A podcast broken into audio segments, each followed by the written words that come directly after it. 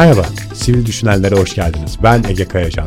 Bu bölümde Bongo Art Project ve bu çalışmayı gerçekleştiren Çiğdem Aslantaş konuğum olacak.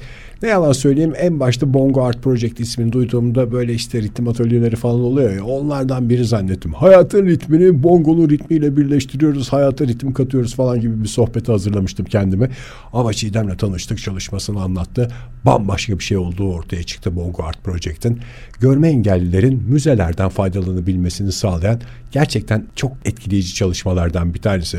Uzun uzun konuşacağız Çiğdem'le. Ben öncelikle şunu da söyleyeyim bu sohbet sırasında en çok düşündüğüm şey şuydu. Bunu düşündüğümde hayatın başka alanlarında da böyle benzer şeylerle karşılaştığında insanın verdiği bir tepki oluyor. Hepimiz yapıyoruz bazen bunu da işte. Ama canım o da eksik kalsın ona sırada gelene kadar daha neler neler var falan gibi bir düşünce hepimizin aklında zaman zaman oluşuyor.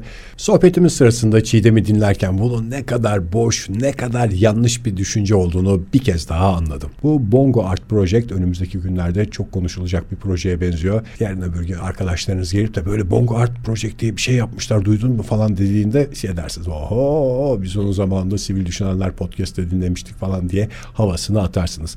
Birazdan başlayacak sohbetimiz ama öncesinde her zaman yaptığımız gibi sivil düşünden sivil toplum uzmanı Ayşe Çamkıran bizimle birlikte sivil düşün hakkında en çok merak edilen sorulardan birine daha cevap veriyor.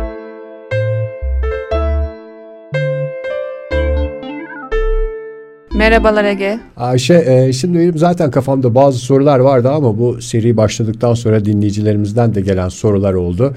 Onları ben sana bir yavaş yavaş soracağım önümüzdeki bölümlerde. İlk sorulan sorulardan bir tanesi de projelere başlamadan önce dünyada sivil toplum kuruluşları konusunda daha tecrübeli, aktivistlik konusunda daha tecrübeli ülkeler var.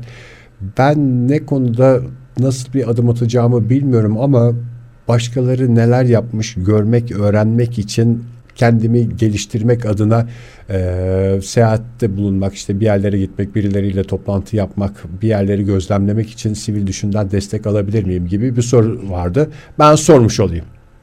E, seyahat giderleri, ulaşım giderleri, konaklama aslında sivil düşünde uygun harcama kalemleri. Fakat pandemi sebebiyle biz 2020 Mayıs'ta açtık ilk destekleri. Bizi bağlayan şeyler özel desteğiyle. O gün bugündür ne yazık ki onları pandemi sebebiyle veremiyoruz. Çünkü ne zaman kapanacağı, e, seyahatlerin ne zamana erteleneceği belli olmadığı için ve 6 aylık çalışmalardan da bahsediyoruz. O yüzden ne yazık ki şu an uygun değil. Fakat e, talepleri karşılayabilmek için düzenli olarak kendi ekibimiz içerisinde de değerlendirmeler yapıyoruz. O yüzden bu soru her geldiğinde ben sosyal medya hesaplarımızı çok yakından takip etmelerini tavsiye ediyorum potansiyel başvuruculara. Çünkü oradan ilan edeceğiz bu harcama kalemleri açılmıştır diye. Yerinde gidip öğrenme değil ama e, hali hazırdaki literatür veya pratikte neler oluyor bitiyor buna dair bir çalışma yapmak isterlerse o zaman e, sivil düşün uzman havuzundan uzman desteğinde bulunabilirler. Araştırma alanında, herhangi bir hak alanında neyse hani başvurucuların dertleri. Uzman desteğiyle beraber bir çalışma gerçekleştirebilirler. E, o bir alternatif olabilir ama yerinde görmek istiyorlarsa biraz daha beklemeleri gerekecek destek talebinde bulunmak için. Çok teşekkürler. Rica ederim. Başlıyor sohbetimiz sivil düşünenlerde.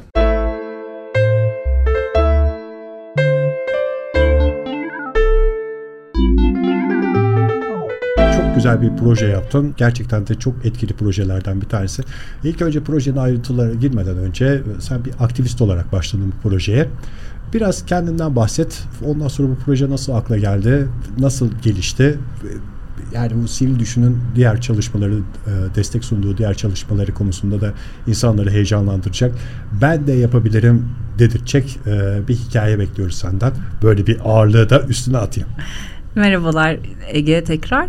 Ee, ben biraz kendimle başlayayım tanıtıp hı hı. ardından e, bu güzel girişinden sonra projemizi anlatırım. E, ben Çiğdem Aslantaş, iç mimarım. İşlerimin paralelinde son 7-8 yıldır dünyadaki müzeleri ziyaret ediyorum. E, iki, iki buçuk yıl kadar bu konuda köşe yazarlığı yaptım bir mimarlık dergisinde. Son birkaç yıldır da aslında müzelerle ilgili nitelikli projeler üretiyorum sivil düşünle beraber yollarımızın kesişmesinin sebeplerinden biri de bu projelerden bir tanesi aslında. Ama bu yani e, sıradan bir müze tanıtımı değil, görme engelli bireylerin evet. e, müzelerle buluşmasını sağlayan hı hı. şeylerden bir tanesi. Ben e, senin projenle ilgili e, çalışmaları okurken işte yaptığınız etapları işte e, meraklı dinleyicilerimiz hemen bakabilirler. Zaten bu podcast'in künyesinde de paylaşacağım Bongo Art projenin e, sayfasını. Orada görme engellilerin hı hı. müzeleri dolaşmasını sağlayan, müzelerden tad almasını sağlayan e, bir altyapı kuruyorsunuz aslında. Evet. Yani e, dünyada belki şununla başlayabilirim. Dünyada çok az müzeye görme engeller girebiliyor. Yani aslında müzeleri ziyaret ederken genel amacım müze mimarlerini keşfetmekken beraberinde kurgularının da aslında sadece sağlıklı bireyler için o düşünülerek yapıldığını fark ettim ve işte birkaç tane aslında e, iyi anlamda yapılmış görme engellilerle ilgili müzelerin dışında dünyada çok az müzeye görme engelliler girebiliyor. En fazla e, engelli bireyler için müzelerde girişi kolaylaştırma, işte rampa evet. yapma falan gibi yani ilk akla gelebilecek şeyler var evet. ama o kadar özel şeyler Yok, Yok maalesef. Gibi. Bir de şöyle bir durum var. Mesela o genel olarak engel dediğimiz tanımlanan gruplar fiziksel engelde genel olarak yürüme engel engeliyle Hı-hı. karşılaşanlar ya da aslında fiziksel olarak biraz daha erişim engeli yaşayan gruplar. Ancak hiç düşünmediğimiz bir alanda yani görme engellilerin görerek deneyimlediğimiz bir mekanda bilgi alması imkansız hale geliyor. O sebeple çok niş bir alan fakat biraz unutulmuş da bir alandı. Maalesef şimdi bölüyorum kusura es, bakma ama e, engelli bireylerle ilgili şeyde hep e, niş kalıyor. Yani hı hı. belki bu projeye başlamadan önce sende de vardır. Hı hı. Hepimizde bir ölçekte var. Bazılarında çok maalesef abartılı ama şu düşünce hakim ve bizim toplumumuzda dünyada kırıldığını az çok görebiliyoruz. Hı hı. Umut verici bir gelişme ama aman canım işte oradan oraya arabanın altında kalmadan gidebilsin, takılmadan, düşmeden evet. evinden çıksın, hastanesine gitsin, hı hı. işte işini gücünü halletsin. Müzesi de eksik kalsın. Evet yani aslında hayatta e, vereceğimiz yerleri de biz belirliyoruz. Zaten onların belli bir noktada aldığımız haklarını yine verebilme noktasında da bayağı aslında kendimiz sınırlar çizerek verebiliyoruz. Bu noktada müzeler o kadar e, niş bir alanda kalıyor ki yani çok maalesef söylediğin şey çok doğru. Türkiye'de temel olarak zaten çok ulaşım, yaşama gibi aslında çok temel parametrelerin üzerine bile çok düşünülmezken müze oldukça lüks ve aslında aman olmasa da olur e, noktasında kalıyor. Ancak ama sanki herkes koşa koşa gidiyor evet, gibi. Evet, o o maalesef öyle bir durumda kalıyor ama müze dediğimiz şey aslında bir kültürün kökü. Yani siz var olduğunuz yerdeki aslında e, bir kültürü, tarihi, bilimi ya da sanatı keşfedebilmeniz için aslında oralardan bilgi almanız. Yani bilgi araçları aslında müzeler. Bizlerde genel olarak bu kültürün çok sıkıcı, işte oralarda olmak yani belli e, niyetlerle gidilen, işte aslında e, sen de biliyorsun işte bir şekilde etkilemek için e, date'lerde kullanılan mekanlar falan gibi görülüyor ama müze aslında gerçek anlamda çok önemli bir eğitim alanı. Ya ben şimdi böyle müzeler, kültür, sanat falan diye konuşuyorum sana da ben Louvre Müzesi'ni gezerken şey diye dolaşıyordum. En sevdiğim sanatçı Sorti. Sorti bu taraftaymış diye habire çıkışa doğru koşa koşa gidiyordum yani.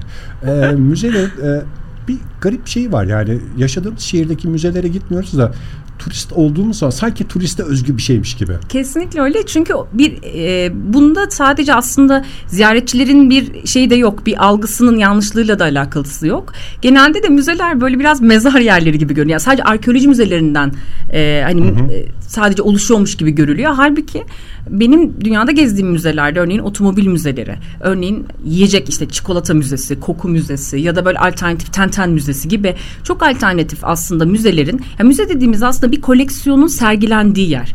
Dolayısıyla burada bizim genel olarak algıladığımız işte çok sıkıcı mekanlar, işte birkaç tane tableti, birkaç tane arkeolojik olarak çıkan eseri gördüğümüz yerler gibi görülüyor. Fakat bunlar gerçek anlamlı geçmişten bilgi alabildiğimiz keyifli mekanlara da dönüştürülebilir. Özellikle son dönemde dijitalleşmeyle beraber bunlar daha entegrasyonu sağlandı ziyaretçiyle. Ama kabul yani aslında e, ziyaretçiyle müzeler arasında bir tampon var ve o tamponu şimdi biz de aslında birazcık aşmaya çalışıyoruz. Ee, çok özel değilse şeyi sormak istiyorum da bir insanın e, engelli bireyler için, görme engelli hı hı. bireyler için böyle bir şeyi aklına getirdim. Ben, ben hakikaten de e, okurken şaşırdım ve şey gibi böyle yani benle hiçbir alakası olmasa da gözlerimde dolar işaretleri belirtti. Çünkü içinde bulunduğumuz dönemde bu sadece engelli bireyler için değil, dünyanın her tarafından insanların her köşedeki müzeyi başka bir tecrübeyle gezmesini Kesinlikle. sağlayacak bir şey. Online müzelerle her şeyi yapıyoruz ama sizin projenizde hı hı. inanılmaz şeyler var yani. Bu biraz onlara girelim ama şey sormak istiyorum aklına geliş sebebi hani böyle bir görme engellilik tecrübesi yakınlarda falan Evet aslında bir mı? engelli görme engelli tanıdığım olmadı açıkçası. Hı hı. E, fakat genel olarak sanırım girişimcilik motivasyonuyla biraz da biraz da aslında hani neden olmasında başladı. Çünkü yani çok e, temel olarak bir ihtiyaca biyanen bir e, şey olarak değil de daha çok aslında evet burada da bu e, bilgi erişimini kolaylaştırabilecek ne yapabilirim motivasyonuyla çıktı. Ve bu aslında İtalya'da bir müzede tamamen körler müzesiyle müzesi orası bir kör profesör tarafından e, yapılmış bir müze. Oranın aslında fikriyle ortaya çıktı. Yani biraz oranın e, şeyleri motivasyonuyla aslında e, görmenin motivasyonuyla alakası çıktı. Ancak hani belki bu noktada biraz da projenin içeriğinden bahsedebilirim. Şey evet konusunda. evet ondan bahsedelim çünkü e, yani internet sitenize girenler zaten az çok anlıyorlardır büyüleyici tarafını işin. Çok zayıfsınız teşekkür çünkü ederiz. Çünkü işitsel olarak da bir şekilde geziyor insanlar falan. E, vaktinde gidersen çünkü geç kalırsın. Kulaklıkta kalmayabiliyor. kalmayabiliyor. e, ona vaktinde gitmek lazım. E, kendi tecrübemde diyorum. Dondurmacıda fazla vakit geçirmeden koşa koşa gitmek lazım. O görselliği bir şeyi dinleyerek tamamlama şansın da var. Tabii. Ama bir de şey kısmı var işin. Sizin projenizin bence en etkileyici tarafı dokunma kısmı. Evet yani aslında zaten benim de süreçte biz ekip olarak aslında süreçte deneyimleyip görebildiğimiz şey de buydu. Ee, görme engellilerin aslında evet duyarak dünyayı çok daha algılamaya çalıştığı bir süreçte çünkü bir de özellikle de tam içinden iki yıldır geçmekte olduğumuz dokunmanın yasaklandığı bir Öyle çağdan geçerken tatsız tesadüf evet, var. Evet tam biz e, projemizi lanse edecekken çıkışını dokunulabilen müzelerle gidip dünyada dokunmanın yasaklanması ironik bir başlangıç oldu. Fakat buradaki aslında şunu deneyimledik biz de beraber. E, belki de önce metodolojiden biraz bahsetmeliyim. Hı hı. E, ilk biz Anadolu Medeniyetler Müzesi'nde başlıyoruz e, Ankara'daki ve bu müzeden toplamda Paleolitik dönemden Urartu dönemine kadar tarih öncesi her bir döneme ait ikonik eserleri seçtik e, görme engelli bireylerin ilk defa dokunarak algılayabileceği toplamda 22 eser var. Bu eserler önce e, yüksek teknolojili tarama cihazları tarafından taranıyor ki bu da önemli bir proses çünkü e, eserlerin aynı anda zarar görmemesi gerekiyor. Her tarama cihazıyla da yapılamıyor. Hmm. Yani bir lazer tarama cihazıyla olmuyor. Bir optik tarama cihazıyla oluyor. Yani esere, za- esere asla zarar vermeyecek. Güneş ışığının bile tehlikeli olabileceği Tabii. şeylerden sergileme, evet. Sergileme ünitelerinin zaten özelleşmiş ısı, nem, ışık gibi belli optimik, optimum e, ayarları var e, ışık ve bu esere zarar vermesin diye. Fakat siz o şeyi kaldırıp bir de lazerle tarama yaptığınızda şey oluyor. Bunları taramaları müzede mi yaptınız? Evet bunlar tarama müzede yapıldı. Herhalde kolilerle gitmedim. eser taratıp getireceğiz. Kiveliği kaldırıp götürmedik. Çünkü o da emanet eser falan Tabii diye. yani şöyle çok büyük protokollerle yapılıyor. Önce bak yani bununla ilgili sorumlu olarak dilekçe vermeniz gerekiyor bakanlığa. Ardından bu cihazlarla e, aslında akredite olmuş bir sistemle yapmanız gerekiyor ki bu konuda bize TÜBİTAK SAGE savunma sanayindeki o çok önemli cihazlar e, zaten hani sponsorluk verildi TÜBİTAK tarafından. Sonra her bir bölümün özel güvenlik görevlileri, uzmanları var ve bayağı seremonik bir şekilde açılıyor bunlar. Yani hani ben gittim taradım şeklinde değil. Bayağı 5-6 kişi özel ev güvenlik şeyleri çevrilerek bayağı sistemli bir şekilde yani çok bu konuda dikkat ediyorlar. Anadolu Medeniyetler Müzesi de dikkat ediyor. Bayağı protokol eşliğinde yapılıyor onlar. Ve bunun için en az bir 8-9 ay hem izin süreci hem de aslında şey sürecini bekledik yani. Ama şimdi e, biz Çiğdem'le yeni tanıştık. Hı hı. Dinleyicilerimiz de bilmiyorlardır büyük ihtimalle sen bu işin içinde değilsin. Sen müze sevdalısı, Tabii. gezmeyi dolaşan esas olarak Kesinlikle, mimarsın. Evet. Hani bu e, Avrupa Birliği projeleriyle hı hı. haşır neşir bir insan da değilsin. Değilim evet. Yani aslında tam olarak bu podcast serisinde hedeflediğimiz şey bir fikri olan insanın hı hı. E, bu fikri hayata geçirebilmek için sivil düşünden destek alabileceğini, iyi fikirlere bu toplumda hakları hı hı. insanların verilmesi konusunda adım atacak insanlara ilham vermek. Sen şimdi e... Ege tam o noktada çok güzel girdin gerçekten. Çünkü tam bizim o taramaları taramaları yaptırmadan önce yani bu sponsorluk görüşmelerinden önce ikna sürecimizde bizim materyallere ihtiyacımız vardı. Yani bu e, bütün şimdi birlikte proje yapanlar ya da sivil düşünü ya da herhangi bir yerden destek isteyenlerin aslında temel bir sorunu var. Görünürlük ve materyal desteği. Biz sivil düşün sayesinde yani onların desteğiyle daha doğrusu bir farkındalık videosu çektik önce. Yani dedik ki bakın hani biz bunları bunları yapacağız ama önce siz bir farkında olun problemi. Çünkü aslında bizim görmediğimiz, bizim farkında olmadığımız bir şey önce bunun duyarlılığını yaratmamız gerekti. Bu videonun etkisiyle sivil düşünle beraber yaptığımız videonun etkisiyle aslında ardı ardına 6 ya da 7 çok önemli sponsor yakalama şansına sahip olduk. Buradaki en önemli şey e, belki de hani görünürlükle beraber orada bir hak ihlalinin olduğu yani çok temel hepimizin yar, yararlanması gereken bir mekandan görme engelli bireylerin yararlanamadığını aslında farkındalığını yarattık o videoyla hı hı. işte sivil düşünün verdiği destekle. Ee, tabii sonrasında gene başka noktalarda yine pik yaptığımız destekleri oldu. Onları da birazdan anlatırım. Ama aslında, aslında hikaye çok önemli. Yani hızlı dönüşleri sayesinde biz 3 haftada 4 haftada bu videoyu bitirip hemen sponsorluk görüşmelerine başlayabildik. Ya o video dediğimiz şey e, ilgililere izlettiğin zaman aa Tabii. doğru böyle evet, bir biz şey nasıl var fark dedikçe... etmedik. Evet biz bunu nasıl fark etmedik? Çünkü zaten gündelik hayatta her hepimizin bambaşka telaşları var. Bu noktada ya evet hiç böyle bir şey düşünmemiştik biz. E, zaten aslında müze kültürde çok olmayan bir e, coğrafyada olduğumuz için aa, gerçekten ben gitmiyorum ama birileri gidemiyor aslında. Evet, doğru. O aradaki farkı görmeleri için çok önemli oldu. Ee, yani bizim işte ondan sonrasında da aslında bizim sponsorluk süreçlerimizi bu materyal çok işimize yaradı açıkçası. O videoyla. Tabii. Bir de bir buçuk dakikalık bir tan- şey Anadolu Medeniyetler Müzesi'nde görme engelli bir kızımızın yararlanamadığını gösterdiğimiz aslında sergileme üniteleri arasında hiçbir bilgi alamadan gezindiğini gösterdiğimiz aslında temel bir kurgusu var. Şu e, pandemi döneminde denk geldiği için e, ve başka zorluklarla karşılaştığınız için son halini almadı proje eserler tarandı. Hı hı, eserler şu anda Hepsi... hatta son 3-4 e, tanesi kaldı. Bu ay içerisinde bitiyor.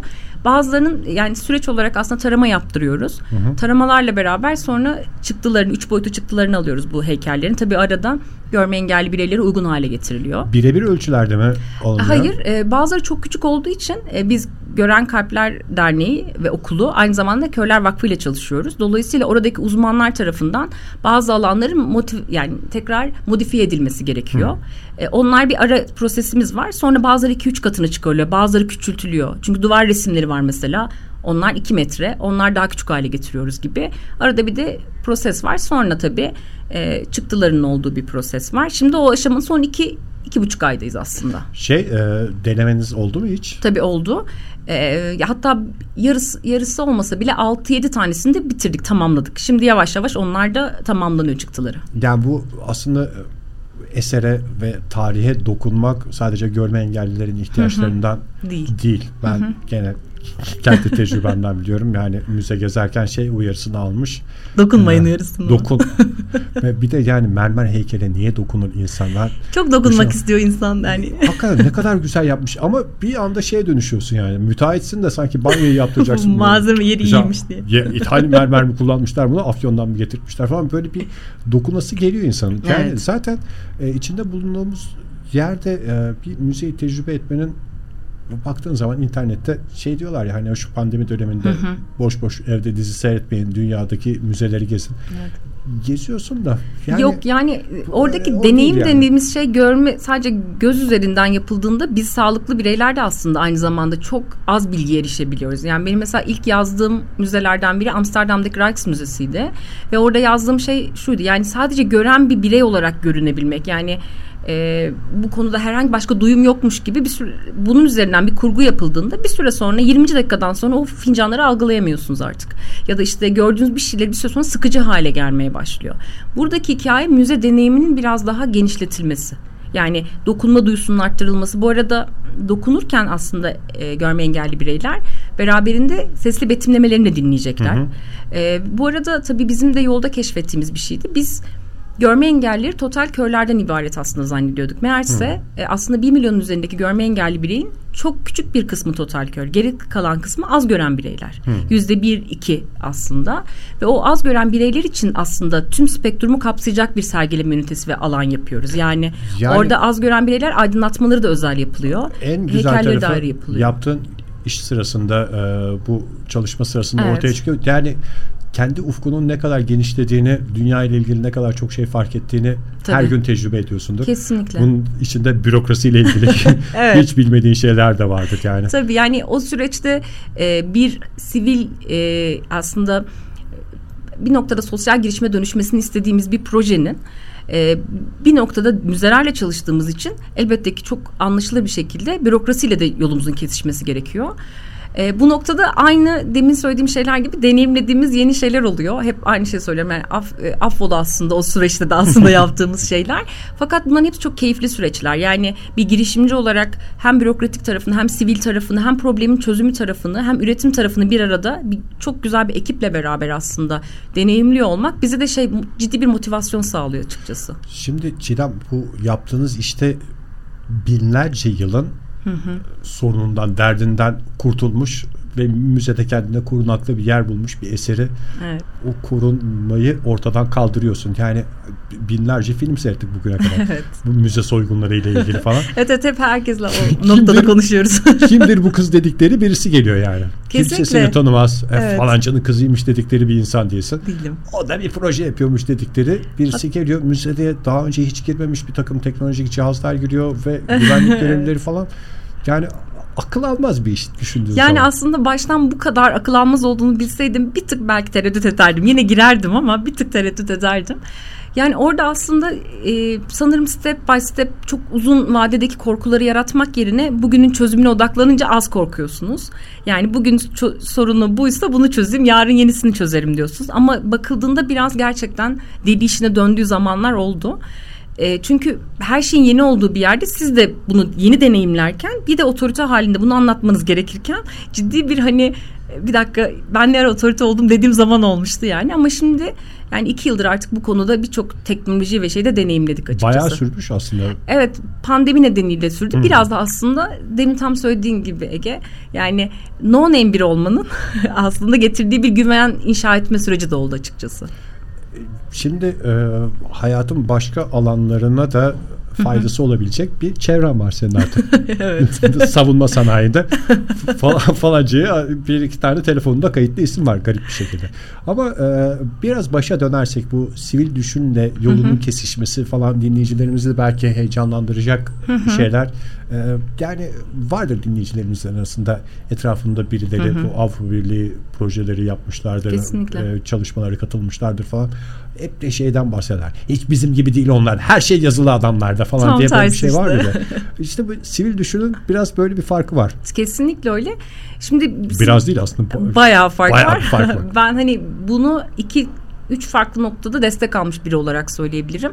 Öncelikle e, en kıymetli şey zaman. Yani siz finansmana bazen ulaşabiliyorsunuz ama o zaman doğru zaman olmayınca o finansmanın da aslında bir işe yaramıyor. Yani evet bir der bir mesela video demin örneği verdiğim gibi. O videoyu doğru zamanda çekersem ancak doğru bir şekilde iletişime gidip hedefi tutturabiliyorum. Yani ben 6 ay sonra o videoyu çekseydim finansmana da ulaşıp pek bir işime yaramayacaktı. Bu yüzden sivil düşün en iyi tarafı biz kendi aramızda da konuştuğumuz bir şekilde 3 hafta gibi çok kısa bir sürede dönüp bununla ilgili yol haritası çizmemizi sağlıyorlar.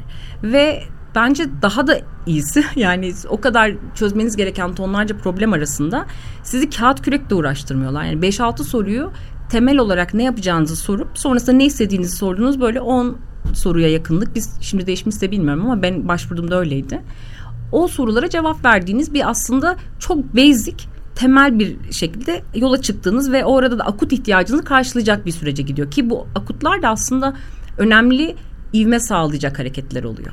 Toplumu değiştirecek. O toplumda zorluklar yaşayanlar, hakları ihlal edilenlerin haklarını koruyabilecek bir takım adımlar atmak çok önemli. Bazı insanlar özveriyle yapıyorlar bunu.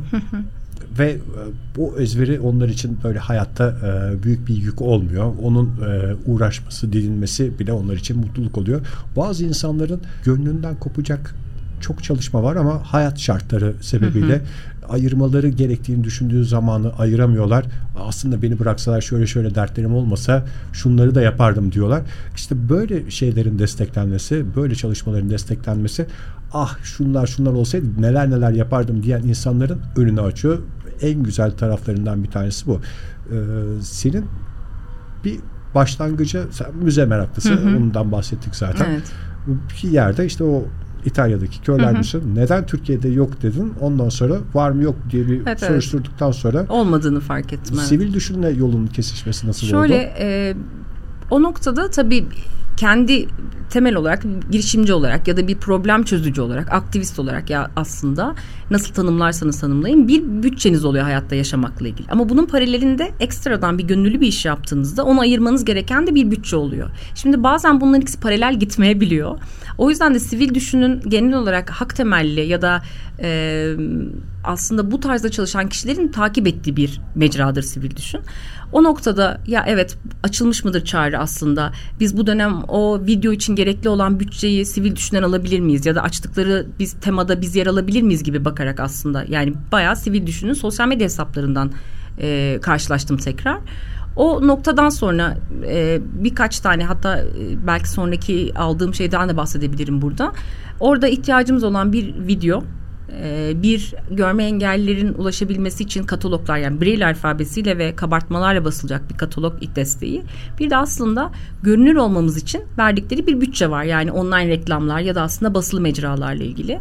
Bu aşamada aldığımız desteklerle sürecin nitelikli bir şekilde devamını sağlıyoruz. Aslında sivil düşün herkesin yani bu iş bu temelde çalışan herkesin takip ettiği bir mecra bir noktada çünkü ciddi anlamda akut ihtiyaçları hızlı bir şekilde karşılıyorlar açıkçası. Yani şöyle bir şey var. Mesela e, çok düz bir örnek vereceğim. Herkesin aklında canlanabilecek şeylerden bir tanesi. işte mahalledeki kedileri besleyen insanlar oluyor ya.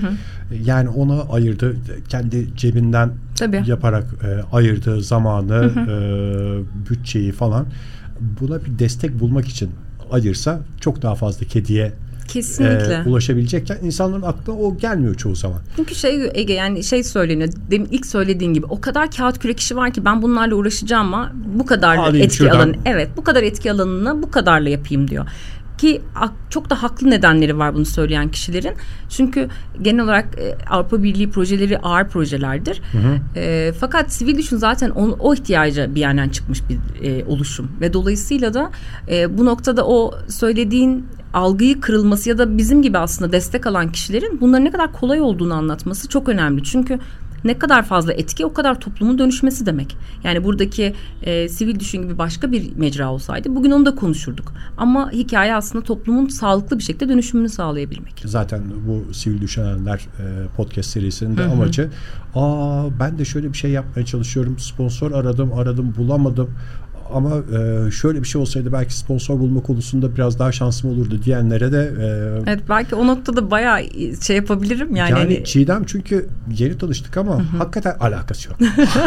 yani gerçekten ne bürokraside böyle arkası sağlam ne işte sosyal medyada binlerce takipçiyi kullanan ondan sonra da e, arkasında e, medya gücü olan birisi değil tam anlamıyla iyi bir fikri hayata geçirme heyecanı duyan birisi. Evet yani aslında motivasyonu belli noktada içsel olarak sağlayabilip devam etmek önemli. Yani söylediğiniz kısımlar çok kıymetli. işleri çok kolaylaştırıyor açıkçası bu tip e, birliktelikler ya da tanıdıklar.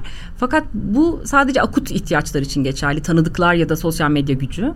Buradaki hikaye bir girişimcinin ya da aslında bir e, fikrin ya da projenin peşinden koşan kişinin aslında en önemli şey içsel bir motivasyon bulması. Bir problemi gerçek anlamlı deli olmayı da göze alarak aslında yola çıkması demek. Ama işte o içsel motivasyonun e, süreç içinde korunması Heh, ki tamam, araya şak diye bir pandemi girer. Tabii. o motivasyonu hayatın diğer alanlarında koruyamadığımız gibi böyle gönüllülük Şeyi, esasına dayanan şeyi de korumak imkansızdır. o yani. onun en komik noktası da şuydu aslında Ege. Şubat 2019 Şubat'ta biz tam sivil düşünle beraber işte Mart'ta bu şeyi çıkaracağız. Video çekildi. İşte tactile müze, dokunulabilen müzelerde yola çıkacağız. Dünyada dokunma yasaklandı. Ve dolayısıyla hani bu noktada şeye bakmak gerekiyordu. Yani bu ilahi güç mü bırak derken hani bir işaret mi görüyorum gibi. Ya da işte hayır devam etmem gerekiyor deyip tam tersi o videoyu çektiğimiz için belki bunu da bir motivasyon olarak söyleyebilirim. İki ay sonra gerçekten dünyada herkesin yaşama ve ölüm arasında gidip geldiği bir en bunalımlı dönem vardı Mart Nisan. tam anlamıyla Tam bunalım, millet evet. can derdinde. Kesinlikle. Çiğdem Hanım müze Ö- derdinde. Kesinlikle biraz öyleydi. Lüks bile değildi artık yani hani başka türlü bir tanımlaması vardı. O dönemde ben Paris'e gönderdim bu videomuzu ve beraberinde projemizi anlattığımız Paris'te Avrupa Kalkınma Bankası 41 ülkede Avrupa ülkelerinde ve ada ülkelerde bir yarışma açtı. Sosyal inovasyon yarışması. Daha doğrusu her yıl açıyordu. O yılda pandemiden dolayı iptal etmediler. Ee, ben de yine de bu motivasyonla her şeye rağmen dokunulabilen müzeleri gönderdim ve o da Avrupa'da en iyi 7 proje fikrinden biri seçildi Paris'te. Bu arada e, söylemiyorsun sen de ben, ben söylemek zorundayım bu tip şeyleri.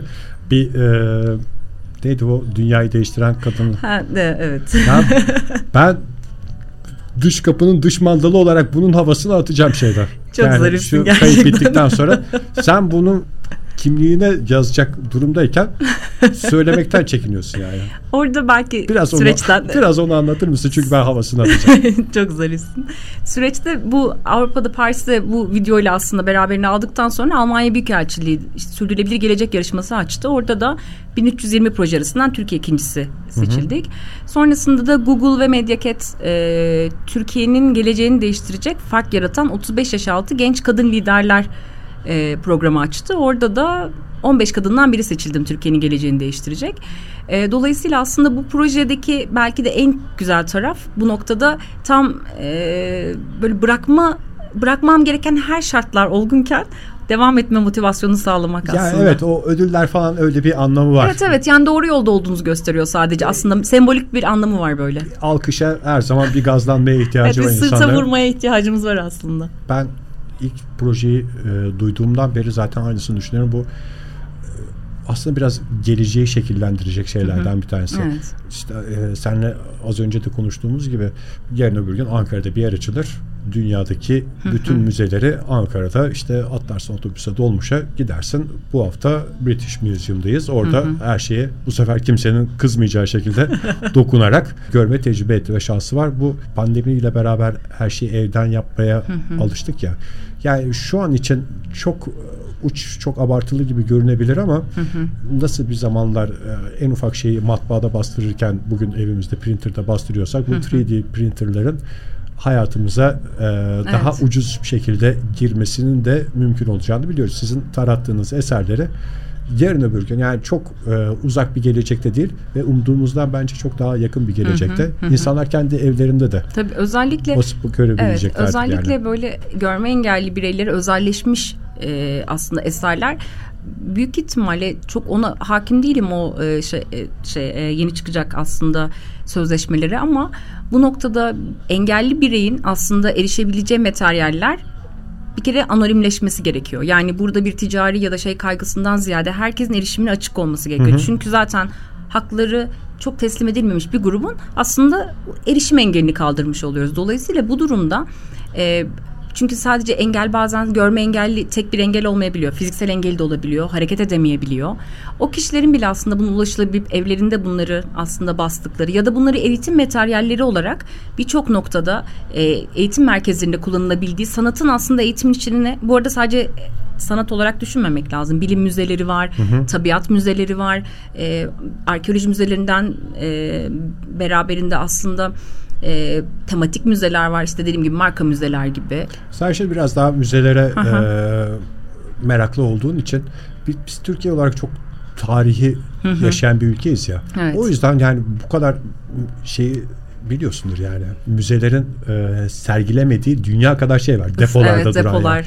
ya daha bunları sergileyemiyoruz bizde ne gerek var işte çikolata müzesine falan evet. deniyordur büyük ihtimalle. Büyük, yani büyük ihtimalle deniyordur ben de de hani çok o kadar rastlamadım ama daha başka şeylerle rastladım.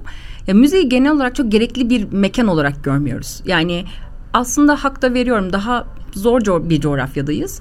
Her ne kadar her noktasında kazdığınızda bir tarih de çıksa ee, başka türlü hayatta kalma meşa, meşgalleri olan insanlar için bunlar aslında lüks gibi görünüyor. Hı hı. Ama ancak e, bunlar e, ekonomik anlamda sosyoekonomik düzeyi çok düşük ülkelerin aslında çok iç içe geçmiş mekanları. Yani bu bizim aslında biraz bahanemiz haline geliyor. Yani sanat olmasa da olur, kültür, bilim işte bir noktada çok keşfetmesek de olur diyoruz ama yani bu sosyoekonomik düzeyin getirdiği bir şeyden daha ziyade biraz da bahanemiz haline geliyor ama bu arada da bir hadsizlik etmek istemem. Yani belli noktalardaki e, hak ihlallerinde tabii ki e, farkındayız. Evet, ama müzeler genel olarak aslında eğlenceli yerlerdir. Yani ona bakabilmekle alakalı. Yani bizde biraz arkeoloji müzelerin sıkı sıkıcı olmasıyla alakalı aslında süreç. Ya o evet yani şimdi sen dünyada başka örneklerini de tabii. görmüş insanlar olarak Hı-hı. hele hele şimdi yeni bir nesilden bahsediyoruz. Tabii.